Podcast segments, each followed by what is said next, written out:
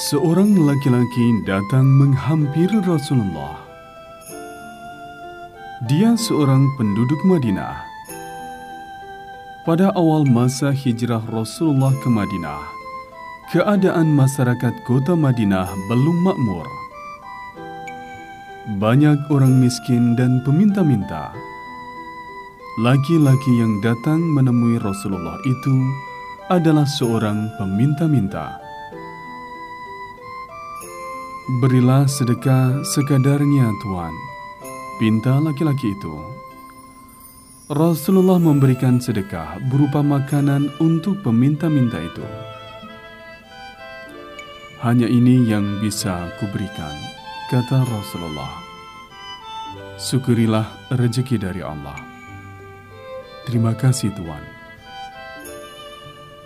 Peminta-minta itu pergi Keesokan harinya, dia datang lagi meminta sedekah kepada Rasulullah.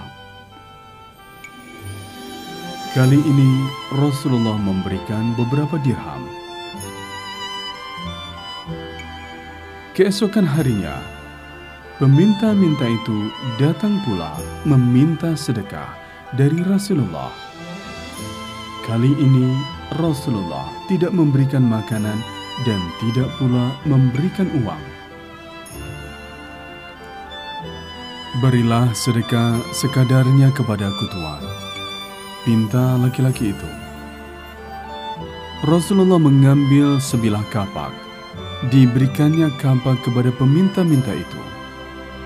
Inilah sedekahku hari ini kepadamu, kata Rasulullah. Peminta-minta itu keheranan. Untuk apa kapak ini tuan? Aku meminta uang atau makanan sebagai sedekah.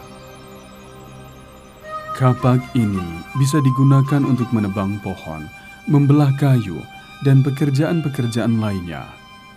Pekerjaan itu bisa menghasilkan nafkah bagimu dan juga keluargamu. Peminta-minta itu menerima kapak dari Rasulullah Gunakan untuk mencari nafkah, sehingga kau tidak meminta-minta lagi. Begitu kata Rasulullah. Peminta-minta itu pergi. Dia merasa malu menjadi peminta-minta untuk mencari nafkah bagi keluarganya. Sejak saat itu, peminta-minta itu tidak pernah mengemis lagi. Dia menggunakan kapak pemberian Rasulullah untuk mencari nafkah.